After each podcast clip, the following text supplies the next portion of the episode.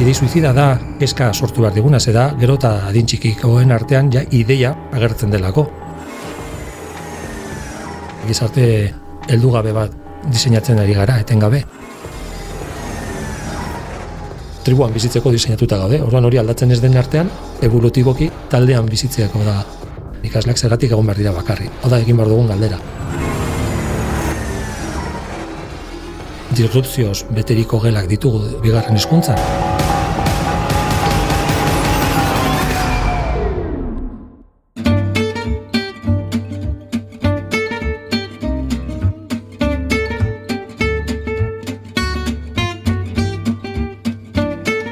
Zientzia puntu puntuan. Nafarroako Unibertsitate Publikoaren divulgazio zientifikoko podcasta. Emaio zuiaten adimenari. Eriotza ez naturalaren kausa nagusia da ama bost hogeita behatzi adintartean dauden gazteentzat. Suizidioaz ari gara. Gazteen suizidioaz. Nera behen saiakerez. Gazteen arteko suizidio datuak geroz eta altuagoak eta kezkagarriagoak bihurtzen ari dira mundu osoan zehar. Gainera, saiakerak, ideia suizidak eta autolesioak gero eta maizago agertzen dira. Gurean ere bai, nolabaiteko prebentzioa lortuko badugu, behar beharrezkoa da suizidioaz solastea publikoki. Ozen, garbi, xuxen. Eta hortan saiatuko gara gaur, zientzia puntu puntuan hogeita laugarren atalean. Gaiaren inguruko mito ez mintzatuko gara Fernando Trebol Nafarroko Unibertsitate Publikoko psikologoarekin. Ni Fernando Trebol naiz, Nafarroko Unibertsitate Publikoko irakasle laguna naiz, eta nire eguneroko zeregina, zangotzako ikastolan betetzen dut, ba, DBH-ko irakasle eta lehen eskuntza eta DBH-ko laguntzak ematen PT bezala psikologo bezala lan egiten duten ben unibertsitatean, batez ere irakasletza graduko ikaslekin. Eta hor, ikastolan egiten dudan praktikakoa teorian esplikatu behar dut hemen. Honi hitz egingo dizuet gehiago nire irakasle lanetik zer eta nola lantzen dugun unibertsitateko ikasleekin. Ikasleek interesa daukate eta adibidez aurtengo ikasle bat lan hori jorratu du eta unibertsitate hontako Jaime Burrunez saria eman diote. Ikasle honek egin duena, Sara Casanellas izenekoa, aztertu zer egin behar den aurretik.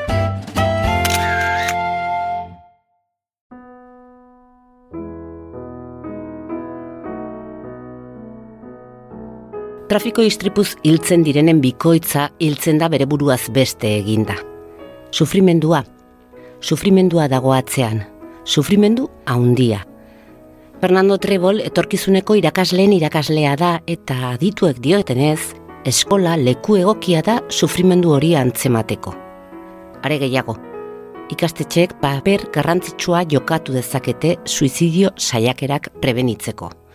Nafarroan adibidez iruko iztu da suizidioaren ideia, ez suizidioa bera izatearena, ere egia da adinekoen artean areagotu da maila berean, e, iruko iztuz. Horrek esan nahi du Nafarroan bal, iru baldin bat ziren, bere buruaz beste egiten dena oraingoan izan direla bederatzi. Horrelako ibilbidea izugarria da, eta horretarako ez da txertorik inventatu, eta ez dugu inongo neurri berezirik aurre etapetan edo idei suizidaren alderdian. Egiten da, detektatzen denean suizidio intentzioa edo alegina, eta hor protokoloak badaude, Nafar gobernuak baditu. Idei suizida da, keska sortu behar diguna, ze da, gero eta adintxikikoen artean ja ideia agertzen delako. Arrazoiak asko dira, ez da bat bakarrik. Azteko, suizidioa gizarte arazo gisara ulertu behar da. Ez bakarrik norbanakoaren kontua bezala. Bai, gizarte heldugabe bat diseinatzen ari gara, etengabe eta tirazle asko daude egunero. Orduan, bueno, berez esaten zaio gizarte infantilizatua dagoela. Orduan, heldu ez egitearen prozesoa da. Orduan, persona bat heldutze prozesoan dagoena, e, biologikoa, psikologikoa, etendu egiten bat zaio guzti horretan hor dago borroka. Eta urrutitik dator, markadak dira. Eta eskuntzan, horren inguruan, ezitzaile garenok, jakin bar dugu, ezin dugula horrelako ereduei reparatu, profesionalak gara, ez gara editorial batek ematen digun materialean menpe egon beharreko profesionalak. Askotan esaten diogu eskola inklusiboa, ez dela egon behar erasorik ikasleen artean, ez dela egon behar horrelako gauza kaltegarriak, eta hoiek saiesteko eh, tresnak eta protokoloak diseinatzen dugu, baina ez digu esaten nola detektatu, nola egin behar duten. Esaten zaio zer egin behar den, baina nola hori editzen da beti gertatzen denerako, eta orduan ja pues, protokolo bat martxan jartzen da. Nik uste hor dago lagakoa, orduan, aspalditik hori dator, eta ez da egin ezer. Gizarte zeldua. Gizarte zeldu bat daukagulako. Zertan ikusten duzu? Ez dutela arazorik nahi, ez ditugula problemak nahi, esaten badigute txartatzera joan behar dugula txartatzera goaz, ez dugu ez baidatzen, ez dugu dudan jartzen, esaten badigute hau programa hau dago Nafar gobernu eta denok esartzen dugu, inork ez du zalantzan jartzen, ez dago ez baidarik. Persona kritikoak egin behar ditugu eskolan, esaten zaigu zer egin behar dugu, baina nola egiten den persona kritikoa, askotan disrupzioz beteriko gelak ditugu bigarren hezkuntzan disrupzioan dauden jaio zirenak 2007ko krisi ekonomikoarekin, orain laugarren mailan daude amasei urte dituzte. Oie bakarrik krisian bizi izan dira. Orduan ez dute ikusten esperantzarik, ez dute hipojorik ikasteko, ez dute aleginik egin nahi, hori orokorran gure Nafarroan, ez dut pentsatu nahi beste hiri handi eta Europa edo beste mendebaldeko herrialdetan nola izango den, baina hemen da daukagu hori. Aldean abaritzen duzue? Bai, bai, ez dute zer egin nahi, disruptiboak dira berez, jaiotzez. Hori ikertu da ere, psikologiako tesiak eta gradu bukarako lanetan aztertzen hasia dira, olako lanak disruptibo izatea ez du negatiboa izan behar, baina horrela baloratzen dugu, ez gaude prestatutak, ez hezkuntzan. Eta ikusten dugu ez egoki bezala. Eta orduan mantendu nahi ditugu betiko dinamikan, betiko didaktikan, betiko disiplina onartzearekin eta hori adoktrinamendua beti leporatu zaiola eskolari, pues e, etengabe hori, hori gertatzen da. Horren gainetik dago profesionala eta jakin bar dugu noiz ikasle horren beharra heldutze prozesuari erantzun behar zaio. Hori dira gure helburu didaktikoak. Horan ikasle horiek ez dute ezer egin nahi atzeratu nahi dituzte klaseak, asterketak, erabakiak, Orduan, pues, eh, ilusioa galtzen dute, orduan hor gelditzen da heldu gabe izatea. Ze prozesu horretan moralaren garapenaz hitz egiten ari gara. Hori da moralaren garapenaz e, estadio ezberdinetatik e, pasa behar gara. Oso ezaguna egiten zaigu adibidez perritxe eta porrotxek esaten bai. sentitu, pentsatu eta ekintzara pasa. Hori da aurrezkuntza, lehen eskuntza eta DBH-ko ezaguarri evolutiboak. Orduan, e, DBH daude pentsatzen egoteko. Eta ez badiego usten edo ez dute nahi, bosor dago gakoa gizarte ez zeldua trebolek dioenez. Hori alde batetik, baina ez bakarrik. Badira bestelako utxuneak. Mendebaldeko gizartean umeak, nerabeak, bakarrik omen daude. Tribua ez da bere lan egiten ari. Ez da sostengua ematen ari. Ez gaude. Kasle asko etxera doaz eta ez daude gurasoak, orduan lehen beti zegoen norbait etxean. Ez dute esan behar orain egon behar dela ama, gari batean bezala, baina ikasleak zergatik egon behar dira bakarri. Hau da egin behar dugun galdera. Lehen bat zegoen, babes hori, eta orain bihurtu gaituzte ba, famili txikiak, guraso bakarrekoak, oso moderno bezala saltzen digutena, baina gabezi emozionala ez beterik dagoen gauza bat da. Besterik gabe. Bakardadea zitze egin duzu. Bai, bai, bai. Gazte eta neraben bakardadea. Bai, eta saltzen digute, pues, posible dela, ez bakardadean, baina gure psikologiako diseinua, gure garuna da, tribuan bizitzeko.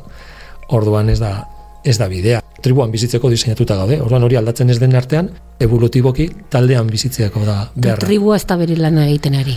Ez, eta tribua da e, berdena eziketa esateko. Eskola, familia eta ingurunea, eta denon batera joan behar dugu. Tribuak talde handikoak direnean bitan banatzen dira. Adibidez, Amazonaseko zoetarrak berrogeita markidetara iristen denean bitan banatzen dira elkar bizitza ziurtatzeko. Eta elkar bizitzan sartzen da guzti hau, denbora izateko, gure gertukoekin egoteko baina ez daude bakar, beti da eziketa taldekoa. Gu, gure euskera, tribu edo giza talde batean bizitakoaren ondorio bada, gure etxea ditzen genuen, ez nire etxea. Hizkuntza ja zen, aintzinako zerbaitetik, gaur egun arte iritsi dena, ba gure garuna horrela delako, ez bakarri euskera horrela delako, taldean bizitzearen beharra. Jakin min handia duten entzat, adimen erneko jendearentzat, zientzia puntu puntuan.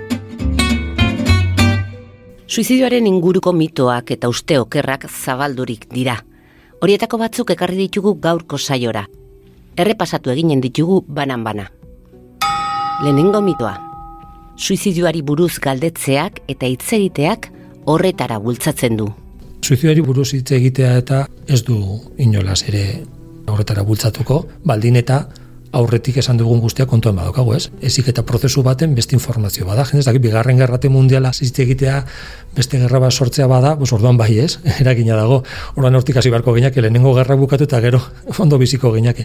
Eskuntzan ez da horrela. Eskuntzan ez da ura egurrez edo minbrez egindako saski batean botatzea bezala. Eskuntza zerbait egiten dugunean beti gelditzen da, ezik eta prozesuan ikasleen garapenerako orduan hitz egitea eta esatea aurreko lan horiek egiten badira, ezinbestekoa da, ez da ekiditu behar. Zabaldurik dago oso, ondoko ideia hau.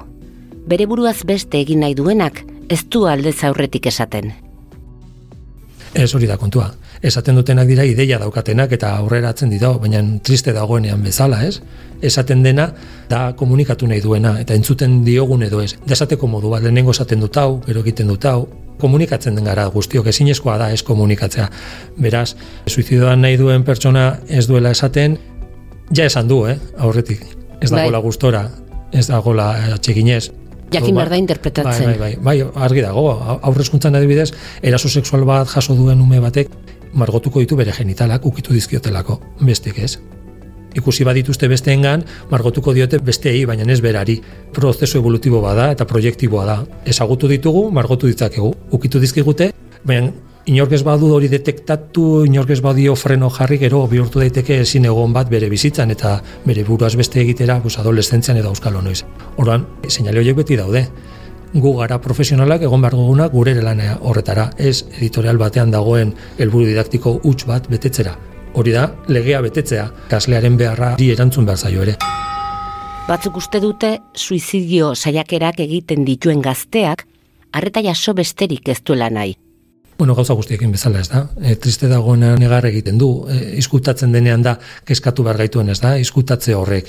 Eta bai, ematen du, askotan hori dela, arreta jaso izatearena, azkenean bilatzen dugu, informazioa. Zer, hau horrela pentsatzen dut, horrela sentitzen dut, ondo noa, baina, karo, txiki batek ez du esaten, ondo noa, baina adirazten dute. Gazte batek. Karo, are gutxiago, ateak itxi diogu, pentsa, adibide bat jarriko dut. Aurrezkuntzan komunak gelan daude lehen eskuntzan ondoko pasabidean, eta debiatzen ez diogu usten joaten beti. Eta hori da, gako bat. Beharrak daudenean, ba, goaz mugatzen bezala.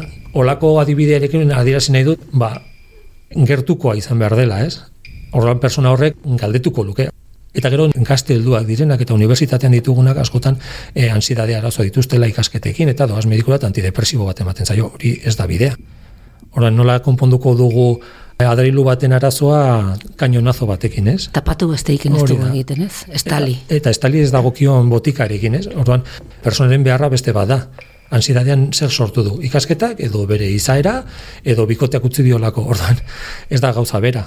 Tratamendu ez da berdina izango, eta beti ere, apoio sozial, emozionala egon behar du. Ez da konpontzen pilula batekin, eta listo. Beste uste okerra. Arazo larriak dituztenak baino ez dira suizidatzen aurrek eta nerabeek ez dute bere buruaz beste egiten. Hori da, beste tabu esaten den ez daitz egingo honi buruz, eta hau da diskutatzen den beste eh, informazio bat, ez? Da Alzheimer bezala, adin guztietan gerta daiteke, da garunaren narriadura bat. Orduan, pues hau berdina, ez? Argi dago. Areagotzen nahi dena da txikiagoen eh, artean, hori da, keskatu behar gaituena, zergatik, ez? Txikiagoen artean. Batzu batzuk diote, suizidioak erentziazko osagaiak dituela. Claro, seguro. Gauza guztiak bezala, begien kolorea bezala. Beste gauza bada, gero, eta hau da gakoa, ezitzailea dago bitarte horretan. Erentzia eta gertatuko denaren artean, eziketa dago. Orduan, persona ezitu behar dugu, triste izatea eta egunero negar egitea, baina eguna ondo bukatzen bada, ez da depresio hartzen. Eta alrebez, egun batean, triste egon eta ezin ulertu zergatik eta depresioan eror daiteke, da, bi muturrak ez, bataz, tartean bataz beste badago. Baina egia da, badagoela zer egin eta ez dela bakarri erentzia. Ezik eta bat badago bideratu daiteke, ezitu daiteke gorputz eta garun hori beste oreka batera iristeko. Gu bizi dugun egoera eta e, nola elikatzen garen, bai alderdi biologikoa e, elikagaiekin, bai nola elikatzen dugun gure psikologia markatuko du ibilbide horretan. Uste oker galanta hau ere. Suizidioari ezin zaio aurre hartu, impulsibitatetik egiten delako esan dugunagatik ja argi dago ez dela horrela, ez? Aurretik e, badaude beste momentu batzu, bizipen batzu, persona ahultu egiten duena eta bere garuna, den garapen horretan, garapen psikologikoan ostopoak agertzen doaz neurria batean eta pilak eta badago. Honi erantzun beharko guna, bai impulsibitate da momentu horretakoa, baina aurretik gertatutakoa. Mitoa hau ere, suizidatzen den orok gaixotasun mentala du. Argi dago ez ez da gakoa. Gaizo mental bat daukana, igual ez dauka gaitasuna bere buruaz beste egiteko edo baina askotan leporatu izan zaio, ez da? Gakoa da, zergatik iritsi gara gaitz mental horretara. Egoera desberdina daude, baina osasun mentalarekin lotzea nik uste dut ez dela ere bidea. Egia da, esan dugunagatik eta sare sozialek bultzatuta gauza asko normalizatzen ari dela eta modu impulsiboan egiteko joera dagoela gaur egun ere hori esaten digute komunikabietan, bada, baina aurreko lan horretan ezitu baditugu, edo zin sare soziala esan dezala txinos edo euskaraz, personak esango du, hau ba, hau ez da sinezgarria. Beraz, argi esan dezakegu suizidioa prebenitu daitekeela. Beharrezkoa da beste alde batera ez begiratzea. Entzun harretaz, egon ondoan. Amarretik behatzean gazteak saiatu baino lehen, aurrez laguntza eskatu du. Zientzia puntu puntuan, zientzia borbor, ongizan... Zientzia puntu puntuan entzun duzu. Nafarroako Unibertsitate Publikoaren podcasta. Gozatu zientziaz. Laguntzaileak Nafarroko Gobernua eta Zientziarako eta Teknologiarako Espainiako Fundazioa. Zientziaren eta Berrikuntzaren Ministerioa.